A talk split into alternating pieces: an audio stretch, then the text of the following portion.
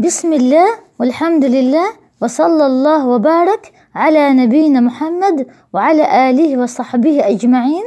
مجلسنا اليوم الحديث الرابع والثلاثون.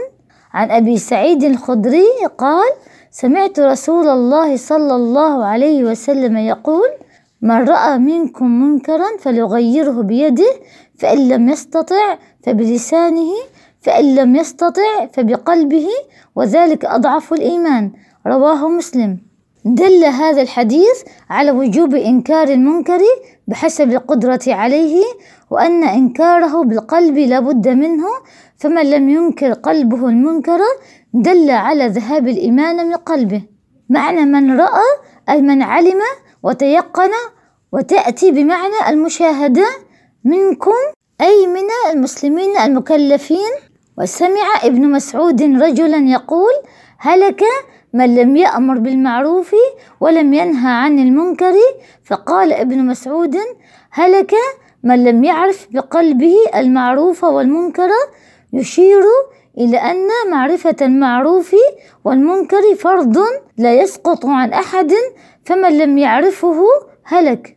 وأما الإنكار باللسان واليد فإنما يجب بحسب الطاقة. فمن شهد الخطيئة فكرهها في قلبه كان كمن لم يشهدها إذا عجز عن إنكارها بلسانه ويده ومن غاب عنها فرضيها كان كمن شهدها وقدر على إنكارها ولم ينكرها لأن الرضا بالخطايا من أقبح المحرمات ويفوت به إنكار الخطيئة بالقلب وهو فرض على كل مسلم لا يسقط عن أحد في حال من الأحوال. فالإنكار بالقلب فرض على كل مسلم في كل حال أما الإنكار باليد واللسان فبحسب القدرة. من رأى منكم منكرا الإنكار متعلق بالرؤية ولا يكون مستورا. فمن تصور الجدران على من علم اجتماعهم على منكر فقد أنكره الأئمة مثل سفيان الثوري وغيره وهو داخل في التجسس المنهي عنه.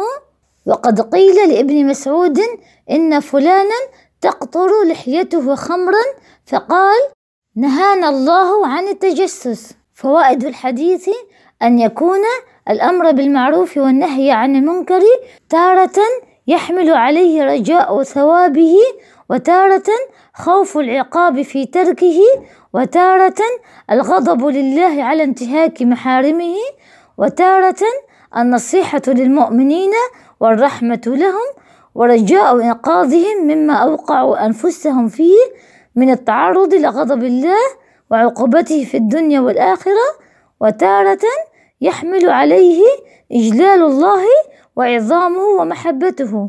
ثانيا يتعين الرفق في الإنكار والرفق في الأمر بالمعروف بلا غلظة. ثالثا أن يكون الإنكار مناصحة ولا يكون فتنة ويكون مبني على الظاهر لا على التجسس. رابعا مراعاة التدرج في الإنكار حسب الاستطاعة باليد ثم باللسان ثم بالقلب. والذي ينكر بالقلب لابد له من أمرين. أولا أن يكره هذا في نفسه. ثانيا أن يفارق محل المنكر ويقوم من مكانه. ومن لم ينكر بقلبه فليتهم إيمانهم. وأخيرا أن الدين ليس فيه حرج حيث علق الأمر بالاستطاعة. هذا وصلى الله وبارك على نبينا محمد وعلى آله وصحبه أجمعين.